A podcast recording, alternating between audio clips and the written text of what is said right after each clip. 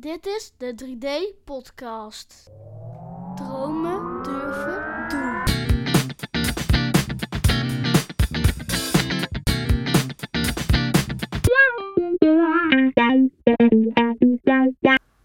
Welkom bij 3D Podcast, episode nummer 3. Mijn naam is Franklin Kiemenij en vandaag gaan wij bellen met de gelukkigste man van Nederland, die de meeste kinderen thuis krijgt te spelen, omdat zijn hele kelder vol ligt met heerlijke chocoladereven. Inzo van Zanten van Tony's Chocolonies. Ik ga op dit moment eh Inzo bellen via Skype. Dus we gaan op dit moment rechtstreeks contact met hem maken. Goedemiddag. Goedemiddag. Hi. Kun jij mij goed verstaan, Inzo? Ja, sta jou prima. Ah, fijn. Hey, fijn dat je tijd eh, voor mij eh, wilde maken. Geen probleem, joh. Geen probleem. Ja, super. Dat vind ik echt eh, hartstikke leuk. We hebben elkaar gesproken in Groningen. Ja, De bedrijven contactdagen. En ik, ik zag, ik ben daar vorig jaar ook geweest. En ik krijg altijd het programma. En daar zag ik dat het verhaal achter de Tony Chocolonis reep verteld werd door ja, ene Inzo van Zanten. En ja, dat leek mij superleuk. Eerlijk gezegd eh, kende ik het helemaal nog niet. Ik wist dat het eh, voor, een, eh, voor een goed doel was. En ja, en dat de reep ontzettend lekker is. Want dat hoor je hier thuis dan wel. Maar het hele Ja. verhaal. En vervolgens, ja, dan, dan zit ik daar. En, en je vertelde, nou volgens mij heb je ongeveer 20 minuten verteld. En het was ja, zo aangrijpend en inspirerend dat ik, ik had al tijden het idee om, om podcast te maken. En ik had al eerder een interview gedaan met eh, iemand van eh, Commando Krav Maga, een Israëlische sport. En nu ik dit hoorde, toen dacht ik, ja, nou weet ik het zeker. Ik wil, eh, ik wil een podcast gaan maken. eh, ja, heel graag met jou over, eh, over het verhaal van de reep. En eigenlijk ook over het verhaal, en daarom heb ik het 3D podcast genoemd. De dromen doen. Dat eigenlijk ooit iemand een, eh, ja, bij jullie ook een documentaire gemaakt heeft met een droom van de cacao-wereld eh, slaafvrij te maken. En dat uiteindelijk nu tot, tot hoe zeg ik dat, de, de, de marktdrager van, Ne- van Nederland heeft gemaakt in de, in de chocoladeindustrie. ja. Dus echt super gaaf. En dan kom ik eigenlijk al, al, al mijn, op mijn eerste vraag is, wat was jouw jongensdroom? nou, ik was misschien een beetje anders dan anderen, heel eerlijk gezegd. Eh, toen ik echt klein was. Want als je mij vroeg als klein jongetje, wat wil je laten worden? Toen zei ik tuinman in een klooster. Tuinman mij- in Ooster. Ja, ja daar iedereen politieagent wilde worden. Of eh, brandweerman had ik het altijd over dat tuinman in een klooster wilde worden. Dat leek mij heerlijk rustig. De hele dag een beetje je, je kruiden aaien en niemand die tegen je, eh, tegen je moeilijk doet. En toch zijn er mensen in de buurt, maar die zouden dan schuifelend langskomen in een pij of zo. Weet je? Dat was een beetje mijn idee. maar eh, nee, maar op een iets serieuzere noot, mijn iets oudere jongensdroom, eh, is eigenlijk altijd geweest dat mensen beslissingen maken vanuit, eh, vanuit kennis. En niet zozeer vanuit onwetendheid. Dus dat is denk ik ook waar mijn rol nu uit bestaat. Om gewoon eh, bewustzijn bij te brengen over dingen waar mensen weinig van, van weten. En in ons geval is dat dus eh, eigenlijk een hele verborgen, bittere realiteit in de cacao-industrie. Namelijk die, die gedwongen kinderarbeid die nog steeds heerst in, de, in die wereld. Ja, en had je dat al, hè, want je zegt, kijk, natuurlijk als je ouder wordt, we hebben al als kind allemaal on- onze, onze jongensdromen. Maar wanneer, ehm, ja, wanneer kom je dan mee in aanraking? Wanneer, wanneer heb je dan het besef, hè, of het besef, Ja. die, die, die, die in- intentie om hier, da- hè, want iedereen wil dit niet, maar jij gaat er echt wat mee doen. Ja. Nou, dat is, er, is, er is bij mij in mijn leven op dit vlak wel gewoon ooit eh, één heel belangrijk moment geweest. En dat de carrière die ik had, ben ik een jaar om de wereld gaan reizen. En ik was op een gegeven moment in Ecuador op de Galapagos-eilanden. En ik was daar aan het eh, duiken. En dan aan het einde van het duik, dan eh, hang je drie minuten even op vijf meter diepte, zeg maar, te ontgassen, zeg maar. En ik werd omringd door miljoenen vissen. En dat snapte ik niet helemaal. Ik vond het prachtig. Maar ik snapte niet waarom ik dat niet op andere plekken in de wereld ook zo had ervaren waar ik gedoken had. Ja. Toen ben ik over gaan lezen. En dat is eigenlijk waar bij mij het zaadje geplant is als het gaat over uh, duurzaamheid. Uh, in zowel mijn werk als in mijn privéleven. Ja. Toen ben ik erover gaan lezen. Waarom was dat er niet? Uh, leegvissen van de oceanen. En pas na iets langere tijd is het bij mij zeg maar, vanuit het water het land opgegaan. Ja. Um, zoals evolutie altijd gaat eigenlijk. Ja, ja. en ben ik gaan adviseren op dat vlak. Ben ik gaan doseren op dat vlak. En heb ik ook een, een, een, bedrijf gerund op een gegeven moment, een, een duurzaam smoothiebedrijf, samen met de huidige eigenlijk baas, Chief Chocolate Officer van Tony Chocolate. En toen wij daar allebei na een paar jaar, of na een jaar of vier, vijf, weer mee stopten, ben ik altijd met Tony Chocolone, vanaf het begin dat Henk Jan dat overnam, in contact geweest en gebleven. En ik altijd als externe begeleid, totdat ik een jaar of drie, vier geleden eigenlijk helemaal aan boord ben gekomen bij Tony's als evangelist, als, als verhalenverteller, als waardeoverdrager van Tony. Dus dat is eigenlijk mijn historie, uh, hoe ik van zeg maar jongensdroom naar uh, nou, midlife crisis man droom ben gegaan. Ja, maar eigenlijk, eigenlijk was je dus aan het, aan het duiken en, en gebeurde er dus iets waar je geen, ja, geen directe reden van wist, maar min of meer een soort van ja, spirituele boodschap kreeg van het besef dat, dat, dat er meer in de wereld is ja, dan alleen. Het, het... Ja, dat zou goed kunnen, maar dan, is het, dan maakt het misschien groter dan dat het was. Want eigenlijk is dit gewoon zo'n moment dat je, dat je gewoon. Uh, dat je ofwel iets kan zien en er niks mee doet. Of ja. iets kan zien en je vragen daarbij gaat stellen. Ja, gaat stellen waarom is dit zo in de wereld? En, en dat is eigenlijk ook hoe, hoe Tony Chocolonely ooit ontstaan is als bedrijf. Gewoon door iemand die ergens naar keek en zei van... Wat vreemd dat, dat dit niet voorpagina nieuws is. Wat vreemd dat dit niet iets, iets is waar iedereen over weet. Een soort moderne slavernij in de chocolade die we elke dag eten. Ja. Uh, dus, dus het, is een, het is een moment van bewustwording waarbij je zelf kan kiezen: doe ik er wat mee of doe ik er niet wat mee? Ja, ja, mooi. Nou, en echt ook mooi dat je dat, dat je dat doet. En dan eigenlijk ook durft. En dan ook daar, nou ja, min of meer succesvol in wordt. Want ja, jullie zijn begonnen uh, als zijnde van de, de, de man die destijds de reportage heeft gemaakt. Die heeft best wel veel tegenslag gehad. Hè? Ik, ik heb die reportage laatst dus bekeken. Van, ja, hij, hij is zelfs bij de, de, de weduwe van Ronald Dahl geweest. Ja. En, het verhaal dus verteld van, joh, moet je luisteren. Uh, enorm, uh, wat vindt u hiervan? En, en je zag, tenminste, toen ik het zag, toen hij het opnam, zag je een soort van emotie bij die vrouw. En daarna direct een, rationeel, uh, een rationele gedachte van, ja, ik, ik, ik leef met je mee, maar ik heb mij vast te houden aan regels. En vervolgens werd hij ook onderbroken door de manager van, nou, de tijd is om. Precies. Ja. Bijzonder, hè? Ja, ja. Uh, en toen toch doorgezet en zijn eigen chocoladebedrijfje begonnen. Ja, ja, want echt, hij dacht van ja, wat, wat ga ik dan doen om toch die aandacht te krijgen? En, dan, en ik vond het ook bijzonder waardig dat er maar één iemand zo had in hem geloofd, dat was die advocaat van hem, die zegt ja joh, we gaan hier gewoon wat mee doen, we gaan hier gewoon wat mee maken. Ja. En uiteindelijk uh, dan maar zijn eigen reep gaan maken en, en daarmee zoveel succes nu hebben, nou dat, uh, dat is bijzonder waardig. Ja. Dat is echt super knap. Um, dan dan de vraag van ja, hoe word je dan evangelist bij Tony?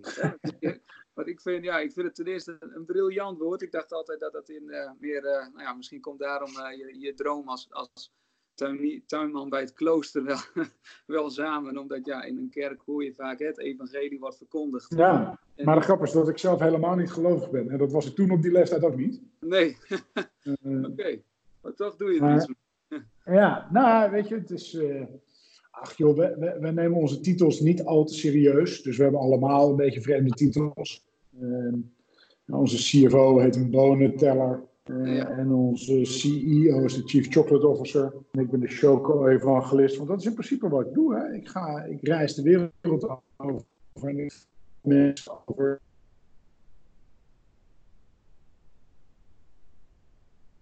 Oh, je, wacht even, je, je valt even weg, volgens mij over hun eigen bedrijfsprocessen. Heb je hem nog? Ben je er nog? is verloren. Ja, ik hoor je weer. Ja, nou, het ging, ik weet niet wat er gebeurde, maar je, je viel even weg. De vraag bleef bij hoe word je evangelist bij Tony Chocolonis? En je vertelde zelf, we hebben allerlei gekke namen, maar je bent daar dus Ja. ingerold en en- ja, Ja, ik ben daar, nou, ik ben daar eigenlijk. eh, eh, ik ben gevraagd door Tony destijds, want ik, ik gaf ze ook eh, trainingen over eh, communicatie, over presenteren. Eh, ik ben eh, in het, in het, eigenlijk altijd vanaf het begin betrokken geweest, sinds Jan het bedrijf overnam, in de positionering, in de waarde van, van Tony's. En aangezien wij, wij helemaal geen paid media doen, dus je ziet nooit een advertentie of een reclame van Tony's door Tony's betaald. Ehm, eh, maar we vertellen graag het verhaal. We willen iets meer tijd kunnen steken in het vertellen van dat verhaal. Eh, en eh, toen werd er op een gegeven moment naar mij gekeken van, joh, is dat niet op jouw lijf geschreven? En ik kon het eigenlijk alleen maar met ze eens zijn.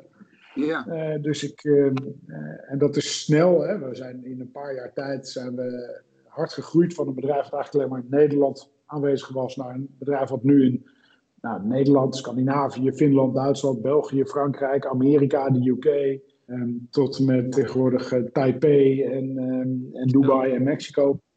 Dus we zijn hard aan het gaan en die groei is, is voor ons eh, vooral belangrijk omdat we gezien willen worden, zodat mensen gaan doen wat wij ook doen. Hè. We willen graag gekopieerd worden en daarvoor moeten we groeien. Maar hoe ik in die rol ben gekomen, ja, dat is een soort natuurlijke flow geweest op een gegeven moment. Maar het hoort heel erg bij het feit dat wij dus geen eh, reclame doen, geen advertenties maken. ja en dat, dat is ook een van de vragen die ik dan had. Want ik denk, kijk, volgens mij als ik het begrijp, hè, de, missie, dat staat ook in jullie reep, dat staat op de site, is de cacao-wereld slaafvrij maken. 100% slaafvrij. Ja, samen maken we alle chocolade 100% slaafvrij. Ja. Maar dan, dan zou toch een logische reden of een logische denkwijze zijn om na eh, goede tijden de Chocolonis reep met een stukje eh, reclame en verhaal daar te laten zien, om, dat- zodat je een grotere gemeenschap. Ja, dat kan. Eh, dat kan. Dat zou kunnen. Maar tegelijkertijd weet je, zeg ik ook wel eens als mensen, als mensen cynisch of kritisch zijn op mijn job. Hoe kan dat? Hè? Hoe kan dat? Zeg ik, nou ja, we zijn toch marktleider geworden in Nederland. En Ja. We, we zijn inmiddels zijn we, de, zijn we de grootste als het gaat over chocolade in Nederland. En hopelijk binnenkort in een paar landen om ons heen ook. Ehm, dus ja, wij denken dat dat verhaal gewoon meer nodig heeft dan 20 seconden tussen Loekie en het journaal. Of, eh, of eh, zeg maar een pagina in een magazine. Waar mensen even langs zappen. Dan liever wat- steden. Wat nog een keer? Wat, wat, zou de, wat is dan de kracht en jullie, jullie overtuiging wat het verschil dan is tussen een stukje beeld en een, en een, en een pakkend verhaal? Nou, omdat het, het heeft iets meer tijd nodig om te snappen wat het probleem is in de cacao-industrie. Eh, En het heeft iets meer tijd nodig om ook te snappen wat dan onze oplossing is en hoe wij mensen mee willen krijgen. Dus onze approach is om daar wat meer tijd voor te nemen. Nou, dat zou eh, vijf minuten na het acht uur journaal staan mensen er misschien niet helemaal op te wachten. Of het kost veel te veel, zo'n reclameblok. Ja. Ehm, dus dan eh, gaan we maar liever langs, langs de plekken waar mensen bereid zijn om wat langer te luisteren daarna. Ja. Nou, nou moet ik ook zeggen, ik, ik kijk zelf heel weinig eh, media en, en, en, en nieuws. En ja, je zit daar twintig minuten eigenlijk heel nieuwsgierig van, joh, een verhaal achter een reep. En ja, inderdaad, met wat, met wat video's en met de boodschap die je brengt, eh, pakte hij mij ook. Dus, dus ja, wat dat betreft, eh, Nou, het gewerkt. ja, ja. Nee, knap. En, en ja, jullie vertellen, hè, wat ik begrepen heb van je verhaal, is dat jullie eh, coöperaties dan starten hè, in West-Afrika, eh, zodat boeren In zich- principe zijn die er. Eh, Oké. dus wij, wij werken met coöperaties in Ghana en Ivoorkust. Ja. Tot dit jaar vijf en dit jaar komen er twee bij. Dat worden nu zeven. En daar zijn zo'n 6.500 boeren bij aangesloten in totaal. Maar in principe werken we met boeren die al verenigd zijn in een coöperatie. Want dat is ook noodzakelijk om Fairtrade gecertificeerd te kunnen. Juist. En hoe zorg je dan, want kijk, eh, je, jij bent er zelf ook geweest en jullie, jullie zitten waarschijnlijk ook mensen op die, eh, die, die coöperaties. Maar hoe zorg je dat jouw boon, want jullie zeggen, hé, onze bonen zijn traceerbaar. Ja, Ja. Hoe zorg je daar eigenlijk voor? Hoe, hoe weet je nou niet dat het van de grote bult afkomt, eh, ja, waar iedereen aan Ja, dat, dat, dat, dat eh, vraag is voornamelijk omdat we die eh, directe en lange termijn relatie bouwen met die boeren die verenigd zijn in die coöperaties. Dus door daar die lange termijn relaties mee te bouwen en ter plekke te zien waar die bonen vandaan komen, heb je al een, uh, uh, heb je al beeld op hoe direct die relatie is. Dus wat er eigenlijk gebeurt, is dat die bonen komen binnen bij een opslag van een coöperatie en worden daar al apart gelegd voor ons. En, en wij monitoren precies welke, hoeveel bonen er van welke boer komen, uh, over de tijd heen ook. Hoeveel bonen er van de coöperatie naar de exporteur gaan, naar de transporteur en uiteindelijk naar degene die onze cacao maakt. Of onze chocolade maakt, moet ik zeggen. Um, dus wij managen dat hele uh, systeem. Dus we hebben een systeem zelf gebouwd, Bean Tracker, waarin wij dat kunnen zien en helemaal kunnen volgen waar die boom vandaan komt. En wij nodigen ook andere bedrijven uit op ons open chain platform, zoals wij dat noemen, om daar aan mee te doen en ook dat systeem te gaan gebruiken, zodat ze een totale transparantie kunnen laten zien aan iedereen uh, die de vraag heeft: oké, okay, maar laat hem maar zien waar het vandaan komt. Dus dat is hoe wij, de, hoe wij die boon volledig tracken. En dat heeft dus echt te maken met de tijd steken en uh, effort steken in het bouwen van een lange termijn relatie met zowel die boeren als die coöperaties waar ze in verenigd zijn. En dat is ook de reden waarom jullie er ook zelf persoonlijk naartoe gaan, om ook die boeren eens te spreken en te laten zien wie jullie dus eigenlijk als eindgebruiker zijn. Exact, en die boeren komen ook hier naartoe. Okay. Dus we nodigen ze ook uit uh, op onze jaarlijkse vergadering hier. En wij komen op hun jaarvergaderingen, hun aandeelhoudersvergaderingen in Afrika. Uh, daar maken we ook bekend hoeveel bonus we hebben kunnen betalen dat jaar aan ze. Ja. Um, dus dat, dat gaat over bouwen van gelijkwaardige en lang, lange termijn relaties met de boeren. Mooi, heel mooi. En nou, nou, was ik, uh, nou wilde ik voor dit, uh, voordat ik deze podcast ging maken, wilde ik natuurlijk uh, van allerlei chocola proeven. Dus ik was in de winkel en alle repen, dus de kids die waren dolgelukkig met papa en mama natuurlijk.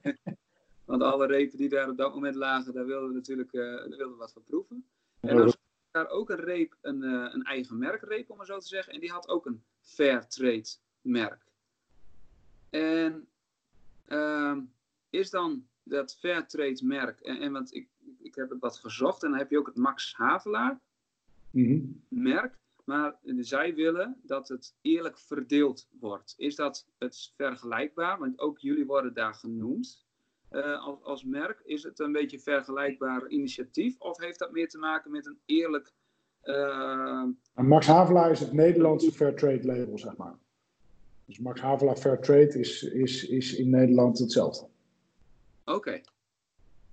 En wij zijn Fair Trade gecertificeerd. Ja. Uh, wat, wat zeg maar een bepaalde vereiste uh, heeft aan, aan de boeren. Op de manier hoe zij, uh, die coöperaties, hoe die opgesteld zijn. Als voor regels binnen coöperatie gelden. En dat er een bepaalde minimumprijs is. Ja. Nou, en daar gaan wij nog, uh, en dat vinden we fantastisch, dat vinden we heel goed. Dat is een mooi uitgangspunt. Het probleem wat we vaak zien is dat veel bedrijven dit zien niet als een uitgangspunt, als een startpunt, maar als een eindpunt, zo'n certificering. En wij denken dat je als bedrijf nog veel meer verantwoordelijkheid kan nemen dan alleen maar Fairtrade. Dus bovenop de Fairtrade premie betalen wij nog een uh, extra additionele toningspremie om de boeren te krijgen naar een leefbaar inkomen. Dus wij willen eigenlijk dat niet alleen wij, maar ook andere bedrijven het Living Income Reference Price betalen per kilo bonen. Zodat boeren gewoon kunnen komen tot een leefbaar inkomen. Wat eigenlijk niets anders betekent dan dat je een dak over je, boven je hoofd kan betalen. Dat je je hele gezin kan voeden, dat je je kinderen naar school kan sturen. En hopelijk een klein beetje kan investeren in je boerderij. Om nog beter te kunnen uh, produceren, nog meer te kunnen produceren. En op die manier voor jezelf ook meer inkomsten te kunnen genereren. Ja, want je vertelde dat, dat een, een, een gemiddelde boer daar op een, nou, een paar honderd euro per jaar moest leven? Ja, iets, het is iets meer, maar het is, uh, uh, het is, niet, het is niet veel. Ja, ze, ze komen tot uh, rond de 50 cent besteedbaar inkomen per persoon per dag in zo'n boerengezin. Ja. En dat is ver onder, het, ver onder de armoedegrens. Dat is nog geen kwart van wat de armoedegrens is voor een land als Ivoorkust. Zo, ja. En dan, maar dan zit je te bedenken van de, de merken die, die, dit, die dit niet dragen. Hè? Uh, dat wordt ook aangegeven in het filmpje. Je hebt allerlei merken en dan hebben we het over Mars, Milka, Verkade. Die moeten dit toch ook weten? Ja, dat zou je denken en zou je hopen. Ja. En, en, en hebben jullie zulke bedrijven wel eens benaderd? Van, goh, ja, we zijn, altijd, we zijn altijd in gesprek met bedrijven. En dat is soms uh, Uh, maar onze uiteindelijke intentie is dat de hele industrie verandert. Dus, dus belangrijk is voor ons om ook samen te werken met bedrijven. Om te laten zien dat dingen mogelijk zijn. Dus te inspireren om zelf ook een verantwoordelijkheid te nemen. Door te laten zien dat wij gewoon een schaalbaar model zijn. Wat door uh, commerciële bedrijven overgenomen kan worden. Omdat wij ook gewoon een commercieel bedrijf zijn. We laten zien dat dat een volledig levensvatbaar model is. Waarbij niet alleen wij er beter van worden. Maar ook de boeren ter plekke. Waardoor dat gewoon beter verdeeld is. Dus we zijn heel erg in gesprek met ze. Tegelijkertijd vinden we dat de industrie nog meer zijn best kan doen om te veranderen. Uh, en uh, als, als er zeg maar onwetendheid zou zijn in de industrie, dan kan dat hooguit komen omdat ze gewoon bonen kopen vanuit de wereldmarkt. Maar wij geloven inmiddels echt niet dat dit een, totale onbekende zou zijn voor de chocoladeindustrie. Dus vinden we dat ze hun verantwoordelijkheid moeten nemen in die industrie en een betere prijs moeten betalen aan die boeren waar ze die bonen van sourcen. Ja, ja. Nou, ik hoop echt door, door middel van dit soort dingen en doordat jullie gewoon vol blijven houden en inderdaad laten zien dat je niet alleen maar een, charity bent om het daar te, te, te, steunen, maar doordat je ook marktleider kan worden, dat dit gewoon een dusdanig model is dat iedereen daarop over gaat. Precies, precies. En dat is volledig onze intentie. Dus dat gaat over het creëren van bewustzijn. Het gaat over het laten zien dat dit model gewoon schaalbaar is en door iedereen te kopiëren valt. Ja. Uh, en, en dus mensen te inspireren om dat te gaan, te, te gaan doen. En vooral niet bezig zijn met een USP te hebben, maar juist zorgen dat wij niet uniek zijn in wat we doen. Ja, mooi. Ik, ik heb uh, een, een, hele mooie podcast van jou uh, eerder geluisterd. En dan zit je twee uur aan tafel bij de heren van de eindbazen. En, ah, de eindbazen. ja, dat was volgens mij een leuke ervaring met die, met die mannen een keer te zitten en ook ja. de, de, chocolade te proeven. en ik, ik, ik wil je vragen om kun je wat vertellen over het, het werken bij Tony's? Want ik hoorde ja. al in de presentatie hele mooie berichten als bonussen en een grote busserknop uh, wanneer je iets te vieren hebt. Ja. Ja, nou, weet je, wij willen, wij willen impact maken. Wij zijn een impactbedrijf en niet zozeer een chocolademaker. Dus wij willen uh, impact maken via de weg van chocolade. Maar dat willen we doen met het meest bevlogen en betrokken team wat je maar kan voorstellen. Dus dat harde werken aan een serieus onderwerp proberen we zo leuk mogelijk te maken voor iedereen. Door heel erg te drijven op, op, op werkgeluk. En, nou, en, en daar zitten dingen aan als dat we zorgen dat we zo inspirerend mogelijk een werkplek hebben. Dat je gewoon zin hebt om naar kantoor te gaan. Dat we zorgen dat er een, een bedrijfscultuur hier heerst. Uh, waar iedereen uh, op, op, op basis van veiligheid en vertrouwen met elkaar om kan gaan. En elkaar tot zeg maar, het maximale kan drijven. Uh, door ook daar weer te kijken naar gewoon eigenlijk hele simpele dingen. En te zorgen dat je niet vastgeroeste HR-patronen implementeert, omdat dat nou eenmaal overal zo gedaan is. Dus wij hebben ongelimiteerde vakantiedagen. Want we gaan er gewoon vanuit dat jij je job gedaan krijgt. En of jij nou 20 of 30 dagen op vakantie gaat, uh, of 40, maakt ons dat niet uit als je job maar gedaan wordt. Dus daar ja. rekenen we dan gewoon op als volwassen mensen. Uh, wij zijn een chocoladebedrijf en we vinden het belangrijk dat iedereen het gevoel heeft dat hij die chocolade ook aan zijn vrienden en familie kan geven waar hij er maar zin in heeft. Nou, dan, en dan vertrouwen we erop dat diegene niet met een vrachtwagen chocolade wegrijdt hier van kantoor. Nee. Gewoon je mag meenemen wat je wil, wat je maar nodig hebt om dat verhaal te kunnen verspreiden. En omdat wij zelf eigenlijk allemaal ook een beetje van die evangelisten zijn op borrels en partijen. En dan graag aankomen een paar repen, dan kunnen we dat verhaal keertje verspreiden. Ja. Uh, uh, wij vinden dat mensen, zeg maar, hè, dat is het anime sana en corpore sana. Dus we zorgen dat mensen fit en happy zijn door te gaan bootcampen met elkaar hier op het Westergasterrein. Door met elkaar te gaan skiën, door gezond met elkaar te lunchen en, en met elkaar te lunchen. En niet achter je laptop een tosti weg te knagen elke dag omdat je zo druk hebt. Nee, we zien dat lunchmoment als een belangrijk moment. Uh, dus wij investeren veel tijd uh, en effort in, in het goed elkaar leren kennen. Zodat je vanuit die vriendschap en die basis van elkaar kennen, nou, nog verder kan excelleren met elkaar. En was dit vanaf het begin af aan al zo? Is dit al opgezet dat die, nou ja, de, de man dacht van ja, ik krijg het niet alleen voor elkaar, ik moet dit met mensen doen die net zo ja. als mij zijn. Ja, ik denk wel dat we dit heel erg vanaf het begin zo gaan. Ik wil niet zeggen dat andere bedrijven dit niet ook kunnen doen, maar ik denk wel dat het voor ons makkelijker is dat we vanaf dag één dat besef hebben gehad dat uiteindelijk het team het allerbest, het belangrijkste is. Hè? Dat het vanuit je eigen team dat succes komt. Ja. En, uh, want als iedereen gewoon met heel veel plezier naar werk toe gaat, dan krijg je dat werk ook beter gedaan. En dat is al heel vroeg is dat een goed inzicht geweest. En dat hebben Henk Jan en ik ook samen in een vorig bedrijf ook al zo ervaren. Um, dat je team uiteindelijk het allerbelangrijkste is. Daarmee ga je het behalen, dat doen. En hoe bewaak je zo'n cultuur? Want kijk, ik kan me voorstellen als wij nou een, uh, een samen een bedrijfje starten en we hebben tien mensen, dat wij uh, nou, regelmatig even gaan bootcampen en de oefeningen gaan doen en, en lekker iets, iets verzorgen. Maar kijk, nu kom je op nou, misschien 100 man uit en je wil hè, straks wat meer vestigingen misschien in het buitenland. Dus hoe, hoe zorg je dat je dit door kan zetten zonder dat het ja, want je, je, ik kan me voorstellen, nu het zo expandeert, dat het ook enorm druk wordt. Dus, dus die verantwoording die ja, je neemt. Nou, dat is het altijd geweest. Het is altijd knetterdruk geweest bij ons, dus dat zal nooit veranderen. En ik denk juist dat het zo belangrijk is, omdat we vanaf dag één die focus hebben gehad op die bedrijfscultuur, op die, dat, dat werkgeluk. Eh, dat het het makkelijker maakt om het naar de toekomst door te trekken. Dat wil niet zeggen dat er geen gevaren zijn dat dingen veranderen. Hè? Veranderen is ook goed. Ja, ja, ja. En als dingen verwateren, dan is het pas een gevaar aan het worden. Als dingen niet meer zijn zoals wij denken dat het beste is, dan, dan wordt het pas een gevaar. Maar dingen moeten gewoon veranderen, want je bedrijf verandert ook. Um, maar wat niet moet veranderen, is die focus op die missie. Uh, is de focus op dat uh, plezier om naar werk te gaan. Uh, en daar extra in te investeren, daar waar wat maar mogelijk is. Dus een prachtig voorbeeld vind ik dat toen wij. nou, we zijn ooit één keertje met elkaar gaan skiën toen we, toen we acht man groot waren. Toen hebben we het jaar daarna meteen gezegd, nou, dat is een traditie. dus dat moeten we weer doen. Ja. Dus dat is altijd zo gebleven. Uh, en toen kwam er een team in Amerika. En toen zeiden we, wat, wat gaan we doen? Gaat dat team in Amerika hier naartoe komen, dat we met elkaar gaan skiën? Of gaan die gewoon zelf met elkaar een trip doen en kijken wat bij hun past? Nou, zij zitten in het, in het noordwesten van Amerika, waar het al in de winter frisjes is. Dus zij zeiden, nou, we gaan niet skiën we gaan met elkaar surfen, juist in San Diego op dat moment. Lekker warm. Um, en ze kwamen met een financieel voorstel daarvan. En toen zei uh, Henk Jan, onze Chief Chocolate Officer, die zette daar een handtekening onder. Akkoord, mits bedrag verdubbeld. Dus oh. hij zei juist, zorg nou dat je meer investeert in dat uitje. Uh, want het is belangrijk om daar goed in te investeren. Maar nogmaals, eh, soms zeggen mensen wel eens, ja, maar ja, je moet eerst, eerst winst maken. Ja, maar vaak gaat het niet over dat het duur is. Vaak gaat het over effort en focus. En, en dat, je voorop, ja, dat je voorop blijft stellen dat dat team zo belangrijk is. Dus wij hebben uh, geen HR-afdeling. We hebben een heel team dat heet People and Culture. En die richten zich enorm op hoe houden we die, nou, die fantastische bedrijfscultuur nou in stand. En wat kunnen we daarin investeren. Um, en dat gaat over rituelen die je met elkaar hebt. Dat gaat over symbolen op kantoor. Dat gaat over uh, je persoonlijke zingeving. Dat gaat over relaties bouwen met elkaar. Dat gaat over de mogelijkheid om progressie te maken. Eigenlijk zijn dat de drie pijlers van een hele sterke bedrijfscultuur, denk ik.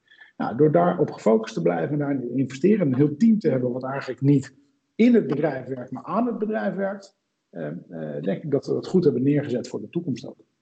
En dit is ook wel een van de redenen waar je in gelooft dat dit uh, zeker aandeel heeft gehad om marktleider te worden. Totaal, totaal. Ik geloof enorm in de uitspraak van Richard Branson. Die zegt heel mooi: uh, Ik uh, ben niet gelukkig omdat ik succesvol ben, maar ik ben succesvol omdat ik gelukkig ben. Ja, ja mooi. Ja. Dus hij zegt ook, hij zegt ook wij, wij, zetten niet onze klanten voorop, ik zet mijn eigen mensen voorop. Want happy employees deliver happy customers. Ja. Dat is de volgende. People make great things happen, hè? Dus dat is. Ja. ja. Hey, en wat doe je zelf om elke dag zo full energized daar op de bühne en op de werkvloer te staan? Want natuurlijk heb je ook wel eens een baalmomentje en na een halve reep chocola dan. Uh, ja, dan, dan, heb, dan, heb, ik geen baalmomentje na een halve chocola. Een heel gelukkig momentje. Maar nou, ik, ik heb persoonlijk heb ik, uh, en mijn job bestaat uit bepaalde momenten van enorme focus. Dus als ik uh, onstage ben, dan ben ik, sta ik helemaal aan.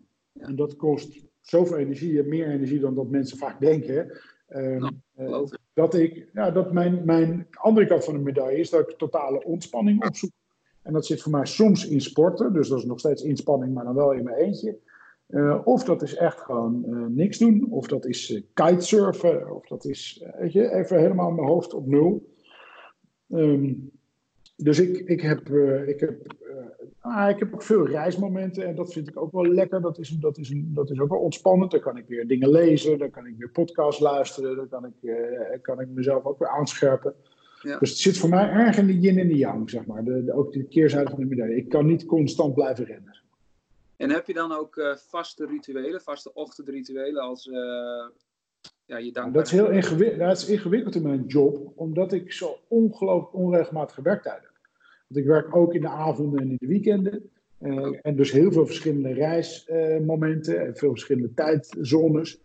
Um, ik heb wel, zeg maar, ik geloof in een soort combinatie van een happiness journal en een bullet journal. waar ik ook wel een beetje schrijf en, en, en dingen bijhoud. Um, ik, eh, weet je, volgens mij is het leven doorspekt van rituelen, maar ik denk dat er geen enkele interessante is echt voor, voor jouw luisteraars, welke ik zou hebben. Maar uh, een van de belangrijkste is die ongeveer elke gemiddelde Nederlander heeft, en dat is aftrappen met een heel goed bakje koffie in de ochtend. En dat heb ik eigenlijk waar ik ook zit ter wereld, vind ik dat wel belangrijk. Ja, hè? Ja. ja. Nou, nou drink ik zelf thee. Ja, ja ik ook. Na dat bakje drink ik liters thee per dag, hoor, eerlijk gezegd. ja, nee, leuk. Nou, je ziet wel waarom ik het jou vraag, is, is zelf heb ik dat ook wel ontdekt. En als je er dan met mensen over spreekt die, die uh, dat helemaal nog niet gewend waren, ik eigenlijk ook niet vroeger, ik kom officieel uh, uit de bouw. En uh, ja, wat je dan doet, is je, je zet je wekker, je knalt er een, inderdaad een bak koffie, je gaat aan de slag. En uh, je kijkt uit naar de half tien, half één en kwart over vier momenten, om het zo te zeggen. En je, natuurlijk, je hebt lol op het werk, maar uh, je doet gewoon je ding, je doet je kunstje. En naarmate je dan, uh, nou, naarmate ik hier mij meer in ging verdiepen, en in, in het persoonlijke ontwikkeling en, en persoonlijke groei, dus echt hè, een dankbaarheidsmomentje. Nou, als je mij tien jaar geleden had gevraagd, ga elke dag eens bij jezelf naar waar je dankbaar voor bent denk je, ja, dat is toch eigenlijk vanzelfsprekend om het zo te zeggen. Of tuurlijk snap ik dat wel, maar wat heeft het voor zin om het elke dag te noemen? En toch merk je dat wanneer je dat doet, en ik doe nou ook elke dag eigenlijk koud douchen. Dat ja, je zou eerst denken, van, waar doe je dat vroeger? ik, ik, kreeg acuut hyperventilatie als ik eronder stond. Maar toch overwin je jezelf uh, door dat te doen. En elke dag een beetje langer. En elke dag even het stilstaan momentje. En eigenlijk zijn het allemaal kleine puzzelstukjes die uiteindelijk nou, rustiger maken, uh, gefocuster maken. Nu ook je kinderen kan zeggen van, uh, als ze vervelend zijn of even opgefocust, even ademmomentje in plaats van, ja, ga maar naar de trap en ga dan maar even zitten. Nee, ga nu maar naar de trap en, en adem eens 15 keer, weet je wel. Dat is inderdaad wat een onzin. Die, die dingen, hè, dus nogmaals, omdat, wat je zegt van ja, de, dagelijkse dingen. Ik denk zeker wel dat, dat dat invloed kan hebben op het succes van je, nou, je baan, maar ook van je leven. Ja, denk ik ook. Denk ik ook. Ben ik volledig met je eens. Ik heb ooit wel eens het hele managementteam om mij heen uh, hier bij Tonis destijds een dankbaarheidsboek gegeven. Om dat ook aan te geven. Hè. Ga maar loggen, ga maar schrijven waar je dankbaar voor bent. Ik geloof enorm dat dat bijdraagt aan je eigen geluk. En ook al gewoon aan je reflectiemomenten. Dat je door hebt hoe gezegend je misschien al bent. Of dat je nadenkt over wat kan ik dan verbeteren. Ik, ik geloof altijd wel heel erg dat mensen kapitein zijn van hun eigen schip. Dus ik denk dat je moet gewoon geregeld blijven kijken naar wat je aan het doen bent. En je kan wel klagen over het leven, maar dan denk ik, nou verander het dan. sta op en verander het. En, nou, en uh, de dingen, hè? Wat je zegt van, dat vond ik zo'n mooie uitspraak. Dat, kijk, want hoe kan nou één man de wereld veranderen met een chocoladereep? En dan zei je van, sluit jezelf maar eens op met een mug in een kamer. ik denk, ja, elke stap die je neemt, het is een koude douche, eh, een push-up, een, een, een, een, journal, dat kan zoveel invloed uiteindelijk of, of resultaat geven. Maar dat zie je niet iedereen natuurlijk. Maar dat zijn maar van die kleine stapjes. Ja, nou ja, eens. En, ik, en weet je, en ik wil, ik, ik, ik ik denk dat het wel belangrijk is om niet te pretenderen dat het leven één groot geluksmoment is, want daar geloof ik ook niet in. Ehm, en tegelijkertijd denk ik wel dat je een heleboel van je eigen geluk kan creëren, maar ook op de momenten, momenten van ongeluk te kijken naar, oké, wat doet dit met mij? Wat heb ik nou geleerd? En ik probeer dan wel eens quasi-wijs, zo'n zo, zo, zo, tegelwijsheid te gebruiken, dat je eigenlijk, you, never fail. You either succeed or you learn. Nou, daar geloof ik wel in. Ja. En als je maar kijkt naar dingen die je voor de voeten worden geworpen en als dat lastig is, prima. Uh, maar kijk, hoe ga je daarmee om? Ik denk dat je daar meer van leert dan van uh, klagen dat dingen niet lukken. Ja. Nou, nou had ik een mooie vraag opgeschreven, maar volgens mij heb je die al een paar keer beantwoord. Van waar ben je het meest trots op bij Tony's? Ik denk, volgens mij is dat je team. Ja, ik denk inderdaad het team. En ik denk uh, het feit dat we aantonen dat een, dat een echt purpose gedreven bedrijf, dus een bedrijf wat echt komt vanuit het gevoel van een noodzakelijke verandering in de wereld, ook daadwerkelijk uh, tot dat punt kan komen.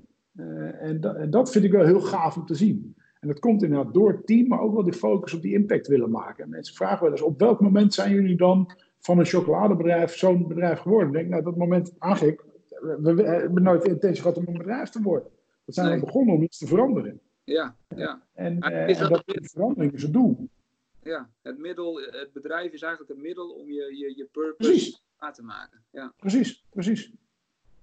Mooi. En, uh, en, en, wij zijn, en wij zijn tegelijkertijd dus het, het, toonbeeld dat als de mensen juist heel erg vanuit de commerciële kant komen, ook dat die iets goeds doen voor de wereld en tegelijkertijd financieel succesvol zijn. Ja, ja, ja heel mooi. En, en uh, ergens heb ik gelezen dat je zegt, uh, fouten maken vind ik dat juist moet in het bedrijf om verder te komen. Van welke fout heb je nou zelf het meest geleerd? Je bent natuurlijk, uh, nou ja, wat andere, je hebt veel bedrijven gehad, en, of gehad, maar geleid en al veel gedaan. Jemig. Um, nou, ik denk dat een, een, typische fout die altijd terugkomt, is dat je toch ongefocust bezig gaat zijn dus dat je denkt, ah, dit ook doen, ah, dat ook doen. Maar dat het juist afleidt van waarvoor je eigenlijk waar je mee bezig bent. Dus we proberen hier ook binnen de tent altijd mensen te blijven wijzen op focus hebben. Ook daar we een methodiek voor dat je je big three opstelt. Hè. Wat, nou, wat zijn je drie focuspunten van het komende kwartaal en van dit jaar? En die werken in elkaar door. Waardoor je af en toe, als je afgeleid wordt door de vele dingen die hier voorbij komen bij Tony's, ook nog eventjes naast je kan kijken naar je papiertje van je Big Three van dat kwartaal. Dat je denkt, ah ja, verrek, wacht even, wel even nadenken, daar zijn we op gefocust. En uh, ik, zeg, ik zeg te makkelijk ja tegen dingen. Waardoor ik denk, nou, dat lukt me lachend. Maar ik vervolgens me wel een periode helemaal schoeners reis om maar van Londen op tijd in Bratislava te kunnen komen het volgende congres om iets te doen. Dat ik het allemaal, ja, ik vind het gaaf om te doen, ik vind het leuk om te doen. Maar dan moet ik wel, daar moet ik wel op letten. Dus elk jaar zeg ik weer, ik moet er iets beter op mijn eigen time management letten. Ja, dat, lukt me dan weer niet, want ik zie het elke keer als een opportunity. Ja. Dus dat is lastig, die, die, die valkuil stap ik altijd wel weer in. Uh, en toch goed op jezelf te letten ook, dat is ook wel belangrijk. Je kan jezelf makkelijk uh, over de kop werken. Nou, daar moet je op, op blijven letten. Dat is, ja, is, ik zit, mijn metertje zit zelden uh, constant in het helder groen, zeg maar. Die tikt vaker toch wel aan de randen van het groen richting het geel of het rood. Ja. Dat, dat, is, dat, is, een, dat is een dingetje waar ik, uh, waar ik nog wel goed van zou kunnen leren, nog steeds. Ja, dat, dat zijn ik wil ook net zeggen, van, eh, dat zijn misschien wel hè, wat je zegt, die, die, die, die meetmomentjes en reflectiemomentjes waarbij je jezelf even aan moet kijken van ja, is het nog enthousiasme of is het uh, de, de, de ja. drive die het nog geeft? Want dat moet uiteindelijk ja. energie geven. Ja, nee, eens. En, uh, en, en, en tegelijkertijd, het hoeft dus niet op elk moment roosgeur en maanschijn te zijn. Als ik van op één dag vier lezingen geef, waarvan ik altijd heb gezegd dat is veel te veel. Hè. Ik kan er twee op een dag doen, dan, dan is de batterij behoorlijk op. Nou, dat is wel eens gebeurd. Dat ik ergens in het buitenland zat en dat ik toch vier deed op een dag. Nou, dat is pittig, maar als ik dan weet dat ik de volgende dag uh, kan ontspannen of in de gym kan zitten of uh, nog een paar uur uh, kan rondwandelen, ja. dan is dat wel redelijk in balans. Nou, en dus moet je wel blijven letten. Want voor hetzelfde gaat worden het er op een gegeven moment vijf en dat, dat red je gewoon niet meer. um, ja, eigenlijk had ik de, de, de vraag hè, van we begonnen met de, de jongensdroom en je doet nu wat je doet. Wanneer is voor jou, um, wanneer zou jouw droom zijn uitgekomen? En dan is dat kan natuurlijk een persoonlijk stukje zijn, het zakelijke stukje van ja, voor de hele cacao, uh, de chocoladeindustrie 100% slaafvrij. Ja, ik denk dat dat voor ons zakelijk dat dat wel glashelder is. Dat is inderdaad wanneer slaafvrije chocolade echt de norm is in de industrie. Dus dat wil niet zeggen dat we er al helemaal zijn, want het zal misschien een utopie zijn. Maar als het in ieder geval de norm is geworden waar iedereen zich aan, aan, uh, aan wil optrekken en aan wil houden, dan zou dat wel eens uh, uh, het moment kunnen zijn dat we zeggen we hebben onze droom gerealiseerd als Tony Chocolone. Tegelijkertijd denk ik persoonlijk dat je eigenlijk nooit, dat je eigenlijk nooit echt op je eindpunt zit of wil zitten. Hè. Het gaat veel meer om dat pad dan om dat eindpunt bereiken. Uh, dus ik denk eerlijk gezegd dat als wij ooit het gevoel zouden hebben, en ik ook persoonlijk, dat je op je eindpunt zit, dat je gewoon je droom moet vergroten. Ja, ja. Ja, mooi. Hey, en en je, je hebt heel veel mensen, hè, als ik dit ook zo hoor, die, die hebben een droom. Hè, van, hè, of die, die zitten vast in de werk, die werken er al 10 jaar, 15 jaar. En dat is ook een soort van veiligheid, hè, inkomen en voelen zich goed. Maar ergens hebben ze nog wel eens een, nou ik zou wel eens een, ik noem wat een bakkerij of iets willen, willen worden. Of vroeger had ik de droom. Wat zou je die, die, de luisteraars mee willen geven die zeg maar een droom hebben, maar die niet echt weten van ja, god, uh, waar begin ik nou? Hoe begin ik nou? Uh? Ja, ik moet je ook zeggen, ik zou het bijna pretentieus vinden als ik hier een wijze les zou kunnen geven aan die mensen die een droom hebben. Um, het enige wat ik dus kan vertellen, is wat je net zelf al even aanstipte, wat ik wel vaker zeg, is dat je bent nooit te klein om dat verschil te maken. Dus het is nooit een verkeerd moment om te beginnen. Weet je? En uh, god, wat, ik las hem laatst weer, dat is zo'n prachtig Chinees gezegd, het mooiste moment om een uh, boom te planten was 100 jaar geleden. en het ene beste moment is nu. Zo, nog één keer hoor. Want, het, het, het, beste moment om een, een, boom te willen planten was 100 jaar geleden. En het ene beste moment is nu. He, Je kan wel denken van, ja, had ik maar en had ik maar. Maar ja, je kan altijd vandaag toch een klein stapje zetten richting, richting dat geluk van je of richting die droom van je. Ja. En, en het stukje werkgeluk, hè? want kijk, jullie, jullie creëren dat. En je hebt ook gezegd vanaf het begin af aan wilden wij dat, want wij geloven hierin. Hoe zou je, wat, wat zou je mensen aan kunnen raden om, om dat in hun eigen werkomgeving te gaan doen? Want kijk, natuurlijk, er mensen luisteren die die, die, die functie uh, hebben. Hè. Ik, als ik naar mezelf kijk op het werk, uh, wij hadden uh, vroeger, of tenminste vroeger, toen werkte ik er dus niet, maar ik hoorde dat er altijd de traditie was dat met de biestenmarkt, dus de beestenmarkt, aten ze altijd snert. Nou, dat was er al een hele tijd af. En eigenlijk niet echt een reden, maar dat deden ze nooit meer. Dus ik zei, goh, waarom gaan we dat dan niet doen? Ja, ja, dat kunnen we doen. Nou, dus sinds vorig jaar of dat jaar daarvoor heb ik dat gewoon weer, weer ingebracht. Tijdens de, de, de biestenmarkt eten wij nu weer snert op het werk. Nou, superleuk, weet je wel. Een klein, klein iets, wat niet eens veel kost, maar toch weer de, de, de mensen, de medewerker weer uh, een, een, stukje geluk geeft van, goh, wat leuk dat hier aan gedacht wordt. Maar niet iedereen heeft uh, die mogelijkheid, maar hoe, hoe zou je dat dat stukje werkgeluk, wat je kan zeggen van, want ik geloof daar heel erg in, van het moet net zo leuk op je werk zijn als thuis. Ja, ja. creëren. Dus, uh... ik denk dat je bij jezelf na moet gaan van wat zijn mijn eigen drijfveren? Wat wil ik nou eigenlijk? Wat, wat, wat, wat kan ik? Wat wil ik? Wat zou ik willen bewerkstelligen? En hoe match dat in, in wat voor plek ik nu zit? Um, en dat altijd een beetje te blijven kalibreren. Je? Ik denk ook dat je daar nooit klaar mee bent met dat eh, met dat te, willen matchen. Want jij verandert, je job verandert, je bedrijf verandert. Nou, blijf kijken, zit ik hier nog op de, goede stek? Match dit met wat ik nou eigenlijk zou willen betekenen in, eh, in de maatschappij, in de wereld of voor de mensen om me heen. Um, en niet te denken, oh, ik, zit, ik zit er maar mijn tijd uit om uh, vanavond aan de carbonade te zitten. Dat lijkt me vreselijk saai moment als je, als je op die manier zeg maar, op je werk zou zitten. Ja. En dan zeggen we, ja, we moeten toch mijn geld verdienen. Ja, maar dat, kan, eh, dat komt achter je geluk aan, ben ik altijd van overtuigd. Ja. Mooi, dankjewel. Ik, uh, wat, wat kunnen wij doen om, om mee te helpen aan, aan deze betere wereld, om de wereld uh, cacao vrij te maken? Behalve de reepkopen natuurlijk. Maar... Nou, op dit moment heel concreet uh, is het tekenen van de petitie die wij online hebben staan. Dus wij willen dat in 2020 we meer geluid gaan maken als het gaat over het vlak van internationale wetgeving. En vooral het handhaven van die wetgeving daarachter als het gaat over mensenrechten en mensenrechten schendingen. En wij vinden dat alle bedrijven hun verantwoordelijkheid moeten nemen en moeten laten zien dat er in hun keten geen mensenrechten schendingen zijn.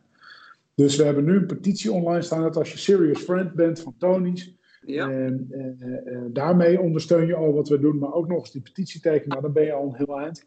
En vervolgens dat verhaal te verspreiden onder je familie en vrienden. Dus niet alleen maar zelf de petitie te tekenen, maar kijken of je tien vrienden om je heen ook nog zover kan krijgen om die petitie te ondertekenen. Dan laten we, dan laten we volgens mij een sneeuwballetje rollen die belangrijk is op dit moment. Oké, en, waar, en waar vinden we dat? Op onze website, tonychocolonely.com of. En daar word je dus friend en dan beteken je de petitie. Ja. Oké, top. Nou, dat ga ik ook uh, dat ga ik zeker even voor je delen. Top. En kunnen we als er mensen zeggen van nou goed, eh, die Franklin die is zo geïnspireerd geraakt, dat verhaal wil ik ook wel eens zien. Die presentatie die wil ik wel eens zien. Ben je binnenkort ergens te zien? Oei, op vele plekken, maar vaak zijn dat, zijn dat uh, besloten plekken. Uh, wat wij wel altijd hebben, is in ieder geval één keer per maand proberen we dat te doen. Hebben we op kantoor ook iemand van Tony. Dus een Tony die vertelt over zijn eigen vakgebied. Uh, en daar kunnen mensen op intekenen. Op onze website kunnen ze langskomen. Dus dat hebben we sowieso. Mensen zijn altijd vrij om langs te komen bij ons op kantoor, bij onze winkels, om daar te praten met ons. Okay. Um, en, uh, maar het is een. Uh, en, en wellicht op social media ons volgen. En daar kan je ook nog wel eens. zal ik wat vaker communiceren wanneer, ik, wanneer we ergens onstage staan. Oké, dat is leuk. En we kunnen dus, wat je zegt, we kunnen dus altijd langskomen in de Westergasfabriek was het? Westergasfabriek hebben we een winkel en daar zit ons kantoor. En we hebben ook een winkel midden in de stad in Amsterdam, in de beurs van Berlage. Oké, en daar kunnen we altijd komen, een stukje proeven. Altijd, precies. Oké, gaaf. Hey, dan heb ik nog één ding. En Ja? eh, dat is eh, een destijds theemerk, die had hele leuke kaartjes aan de, aan de, aan de theezakjes hangen. En er staan hele leuke teksten op, eigenlijk hele leuke vragen om je dag mee te beginnen. Ik doe het wel eens met de kids, eh, om, om gewoon nou ja, vragen te stellen. Dus ik wil een paar kaartjes pakken en jou eens eh, de vraag voorleggen. Dus ik weet zelf Ja. welke komt. Nou, dit is al een mooie. Dit, wat was als kind jouw droombaan? Nou, volgens mij hebben we die gehad. Dat was eh Die hebben we gehad, hè? Ja. klooster. Even kijken. wat heb ik.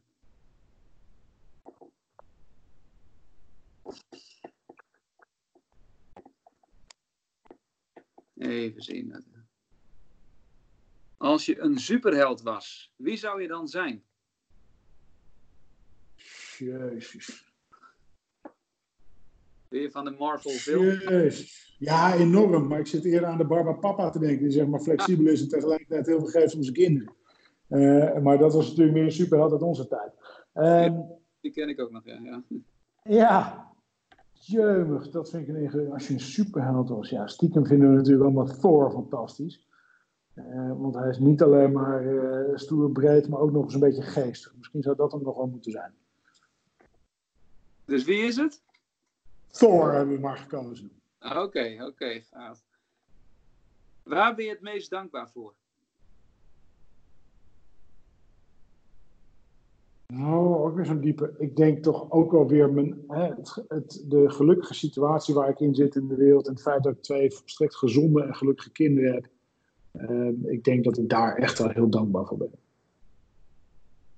Ja, die kinderen waren gelukkig met een papa die bij een chocoladefabriek werkte, heb ik al eh, vernomen. Ja. Hoeveel uur per dag besteed je aan sociale media? Oei. Ehm, te veel, denk ik. Tegelijkertijd gebruik ik wat de drogreden dat ik het ook gewoon zakelijk gebruik.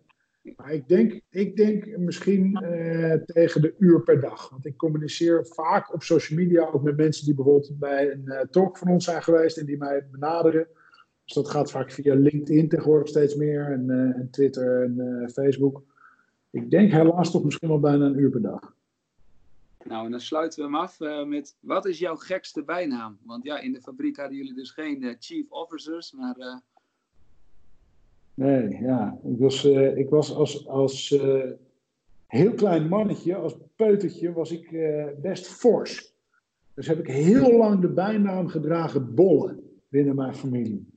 Ik ben tegenwoordig sportiever. Er zijn nog veel mensen van vroeger die mij gewoon automatisch Bolle noemen. Dat vind ik wel mooi. Daar ben je ze nog steeds dankbaar voor, zeg maar. Ja, hoor. ja. Ja, nee, top. Nou, ik, eh, wij, eh, volgens mij zijn we keurig op tijd. top.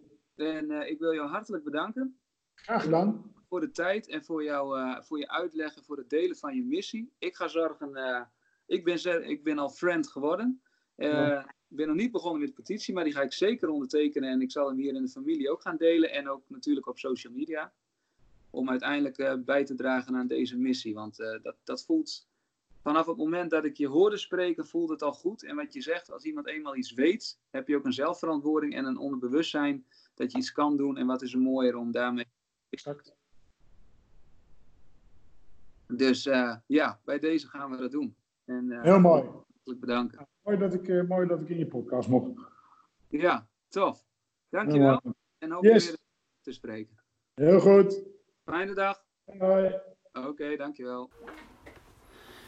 Nou, dit was eh, een heel gaaf interview. Ik, ik moet eerlijk zeggen, ik ben echt eh, ja, enorm enthousiast.